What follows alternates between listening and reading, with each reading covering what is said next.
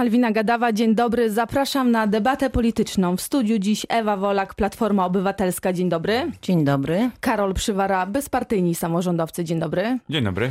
Arkadiusz Sikora, Sojusz Lewicy Demokratycznej. Dzień dobry. Dzień dobry Państwu. I poseł Jacek Świat, Prawo i Sprawiedliwość. Dzień dobry. Dzień dobry Panie, dzień dobry Państwu. W weekend Koalicja Obywatelska zorganizowała forum programowe. Była piątka Jarosława Kaczyńskiego, teraz będzie szóstka Grzegorza Schetyny. Przewodniczący PO zapowiedział m.in. związki partnerskie, zniesienie handlu w niedzielę, podwyżki płac, gruntowne zmiany w ochronie zdrowia oraz utrzymanie 13 emerytury, emerytury i radykalny program ochrony klimatu.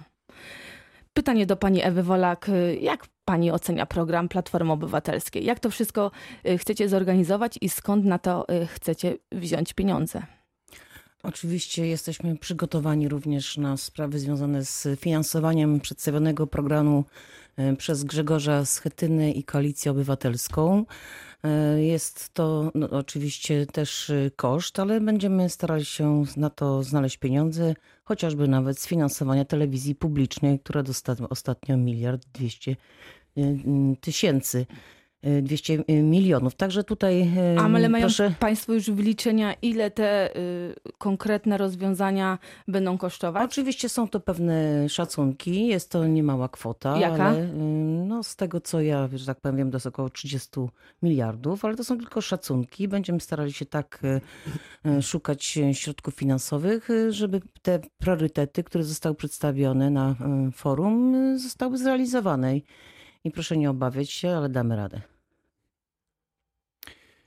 Dobrze, że wreszcie ta debata dotyczy programu, bo do tej pory oglądaliśmy e, raczej taką międzypartyjną e, wojnę na, na, na coraz to większe inwektywy i obrażanie przeciwników, więc e, cieszy mnie, że, że Platforma Obywatelska, Koalicja Obywatelska zaprezentowała swój program. Jest przynajmniej do czego się odnieść, jest nad czym dyskutować, więc ta debata przedwyborcza już mam nadzieję, że nie będzie ograniczała się tylko do tej wojny polsko-polskiej pomiędzy PiSem a Platformą, tylko faktycznie na, e, na oferty programowe, co otwiera także możliwość e, mniejszym ugrupowaniom, takim jak bezpartyjni samorządowcy, na to, żeby e, z tym programem się przebijać, rywalizować na ofertę wyborczą, a nie tylko być częścią, czy opowiadać się po, po jednej ze stron. Więc o tyle nas to cieszy, że że takie, taka dyskusja programowa się e, rozpoczęła, no choć faktycznie te koszty, które e, tutaj pani poseł e, e, przekazywała, e, no są, są znaczne. Tak? Platforma przez ostatnie lata jakby wzywała do pewnej odpowiedzialności za finanse publiczne. Dzisiaj otwiera kolejne rozdziały wydatków, które, które czekają nasze państwo w najbliższych latach. No pytanie, czy to jest metoda na, na przelicytowanie się z Prawem i Sprawiedliwością, czy to jest metoda na to, żeby nasze państwo funkcjonowało sprawnie, funkcjonowało e, e, jakby w, w takich warunkach, które nie będą zadłużały e, nas na kolejne pokolenia i że potem nasze dzieci, nasze wnuki będą spłacały te, te koszty, które dzisiaj e, mamy zamiar Ale będą ponosić. też bezkosztowe elementy tego programu, bo to, co pr- pan przewodniczący Schetyna podkreślał, to oczywiście zaczniemy od y, zmiany i od aktu odnowy demokracji. Także to jest fundament naszych oczywiście działań, bo tak jak przewodniczący też mówił, nie wystarczy być właśnie antypisem, ale wystarczy, trzeba pokazać to, ten program. My jesteśmy już zaawansowani właśnie w przedstawianiu programu i i to, co będziemy stawiali, to jest właśnie przede wszystkim pracy, motywowanie ludzi do pracy, a nie rozdawnictwo, nie po prostu y, socjalne, No że tak nie, powiem. 13 emerytura y, co roku, to 500 jest plus coś- dla wszystkich. No, Ale jakby to jest, chcą państwo kontynuować programy socjalne nie Prawa i chcemy Sprawiedliwości. przelicytować, tylko chcemy powiedzieć, to, co zostało dane, nie będziemy odbierali, ale będziemy oczywiście racjonalizować y, te wydatki i to jest bardzo istotne. Arkadiusz Sikora, pod y, programie. którymi tezami programowymi podpisuje się SLD? No, Zdecydowanie pod y, większością z tych tez y, chciałem zaznaczyć, że Sojusz Lewicy Demokratycznej od dłuższego czasu przecież mm, zarówno programowo dotyka służby zdrowia, re- reformy służby zdrowia, y, zielone powietrze, ochrona środowiska, y, również sytuacja osób starszych. E, To są punkty programowe naszego e, SLD, które, e, którym już od jakiegoś czasu się identyfikujemy. Również bardzo nas cieszy, że w końcu Platforma Obywatelska dojrzała do tego, że ten wiek emerytalny powinien zostać na tym poziomie, który, który jest obecnie, a więc nie będzie podwyższania wieku emerytalnego. Mm, Więc no, myślę, że większość elementów tego programu jest do zaakceptowania. Oczywiście mm, tutaj takie sprawy jak 13 emerytu- emerytura, mm, nie wiem, czy, czy to jest akurat potrzebne, czy nie łatwiej jest na przykład podnieść o te 10-15% y, miesięczną y, wysokość emerytury. y, W kieszeniach y, emerytów y, wyjdzie na to samo, a myślę, że te, te, ta, ta e, trzynasta emerytura to jest takie bardziej propagandowe e, e, mm, odezwa, która ma jak gdyby wyróżnić e, program Platformy Obywatelskiej od tego, co jest w tej chwili zaprezentowane przez e, e, Prawo i Sprawiedliwość na rynku. Poseł Jacek Świat, jak państwo oceniają program Koalicji Obywatelskiej? E, Na razie trudno mówić o programie, to na, na razie są bajki z muchy i paproci, no bo nie wiemy ile to będzie kosztowało i skąd wziąć na to y, pieniądze. Przecież nie chodzi tylko przecież o, o te wydatki socjalne, y, ale również o wydatki związane z y, y, tak zwaną reformą służby zdrowia czy y, programem Czyste Powietrze. Y, Słyszeliśmy parę lat temu, że pieniędzy nie ma i nie będzie. Nie tak dawno słyszeliśmy, że y, Prawo i Sprawiedliwość uprawia y, populizm y, i przekupuje y, wy- wyborców. No a teraz słyszymy y, pomysły na to, jak wydawać kolejne dzie- dziesiątki, dziesiątki mil- miliardów złotych, na przykład y, nie mówię tu już o tej 13 emeryturze, czy, czy podwyżkach dla wszystkich, czy, czy tym mm, dodatkach dla tych mniej zarabiających, y, ale choćby o y, y, energetykę, gdzie no, w ciągu 20 lat mamy całkowicie y, zrezygnować z węgla. No, a to znaczy, że musimy zbudować w tym czasie y, el- elektrownie mm, gazowe, czy y, Państwo uważają- alternatywne, czy w- wreszcie e, atomowe, a to są kolejne dziesiątki, jak nie setki miliardów złotych. Państwo uważają, że to zły pomysł?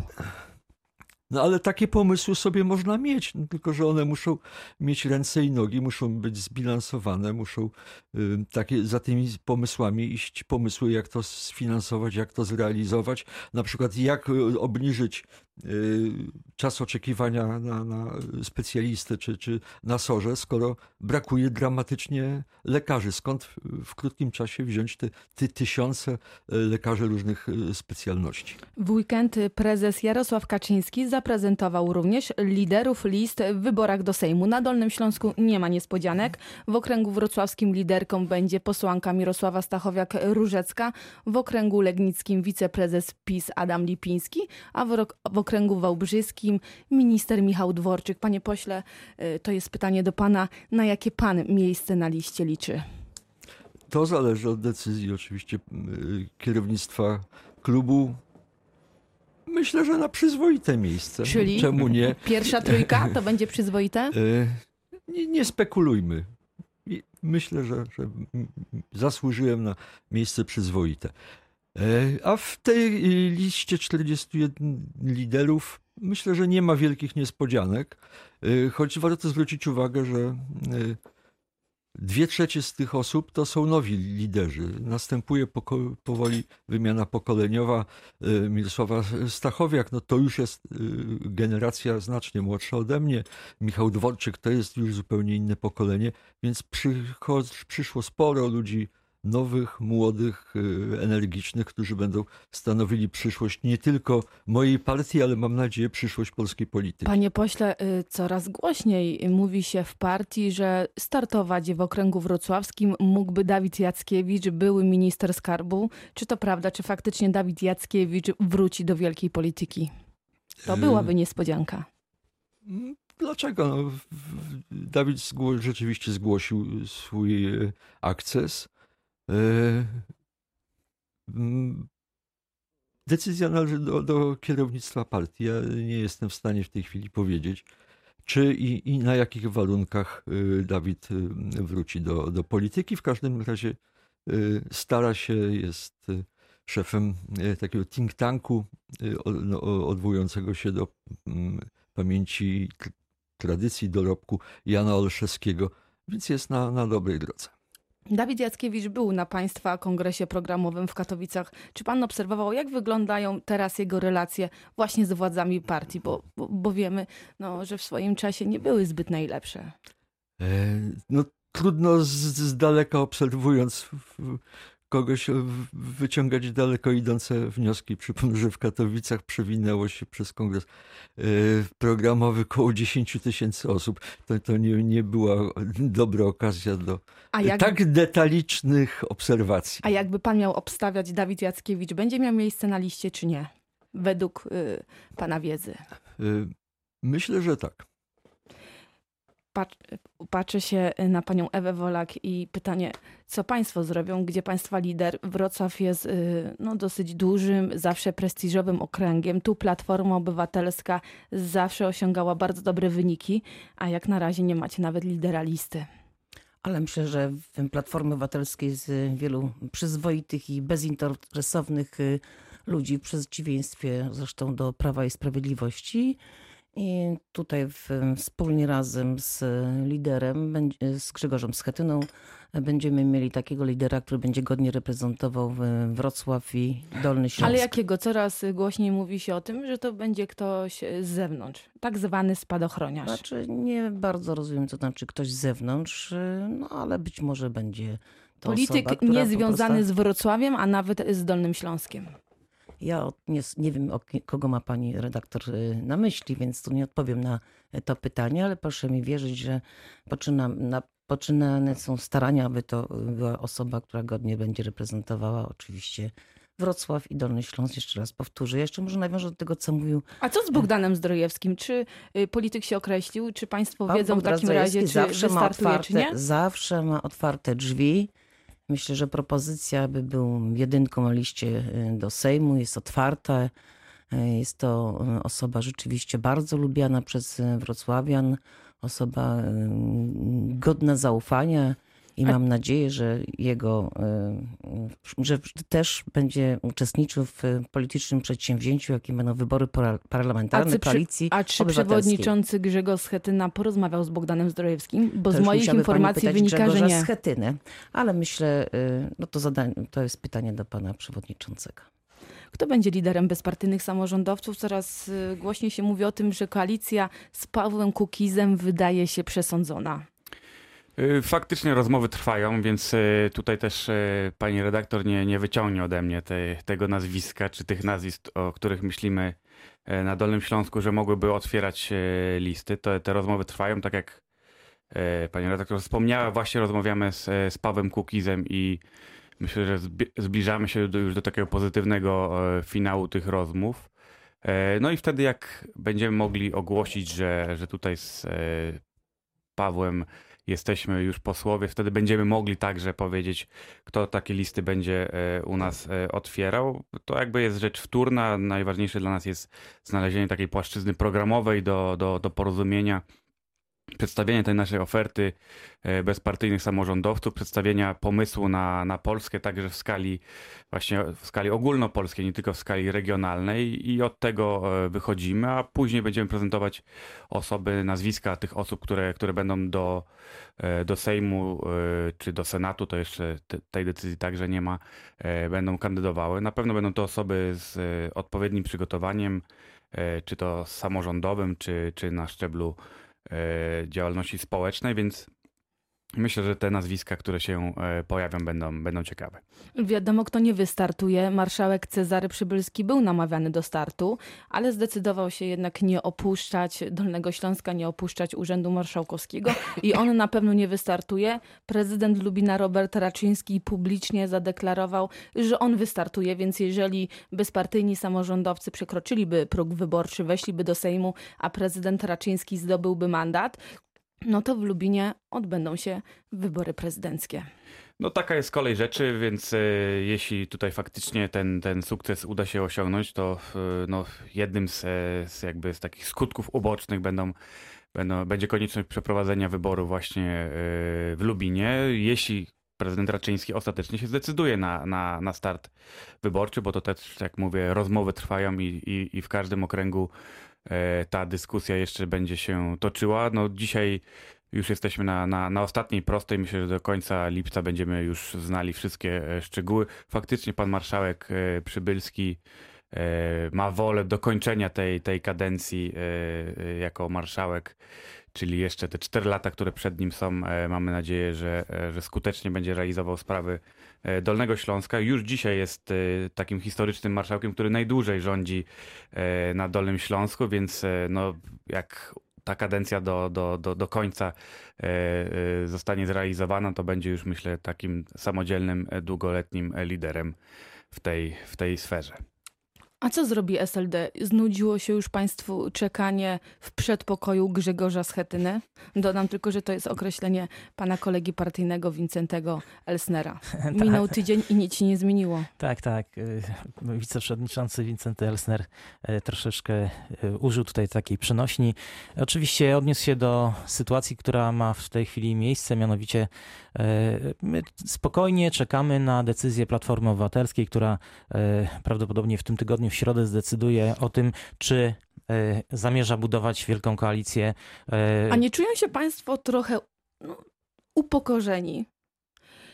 Czekają Państwo ju- już dosyć, dosyć długi czas. Zgłosili Państwo akces do e, szerokiej koalicji i, i teraz wygląda na to, że pa, Państwa los, los e, partii zależny jest od decyzji Platformy Obywatelskiej. Tej decyzji ciągle nie ma. Owszem, ona ma być w tym tygodniu, ale pytanie, bo coraz głośniej się też mówi, że jeżeli PSL nie zdecyduje się na udział w koalicji, to Platforma Obywatelska również wystartuje sama.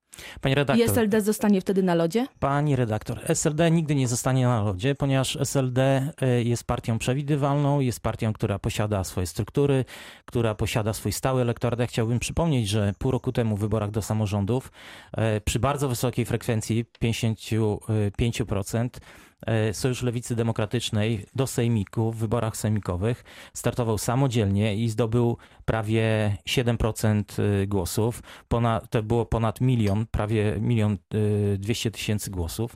To jest nasz elektorat, którego my staramy się nie zawieść, ale jesteśmy, tak jak powiedziałem, partią przewidywalną i partią poważną. I jeśli e, w ciągu ostatniego roku słyszymy z ust Grzegorza Schetyny i Platformy Obywatelskiej, ale też e, PSL-u, że e, z PiSem może wygrać tylko i wyłącznie połączona, zjednoczona opozycja e, i tylko taka e, jak gdyby opcja wchodziła w grę. Myśmy mm, trzy miesiące, dwa miesiące temu w wyborach do Parlamentu Europejskiego również mogli wystartować samodzielnie, ale ponieważ e, taką decyzję podjęliśmy po wielu miesiącach rozmów, że budujemy e, e, koalicję europejską, e, zachowaliśmy się bardzo e, przewidywalnie i bardzo e, poważnie.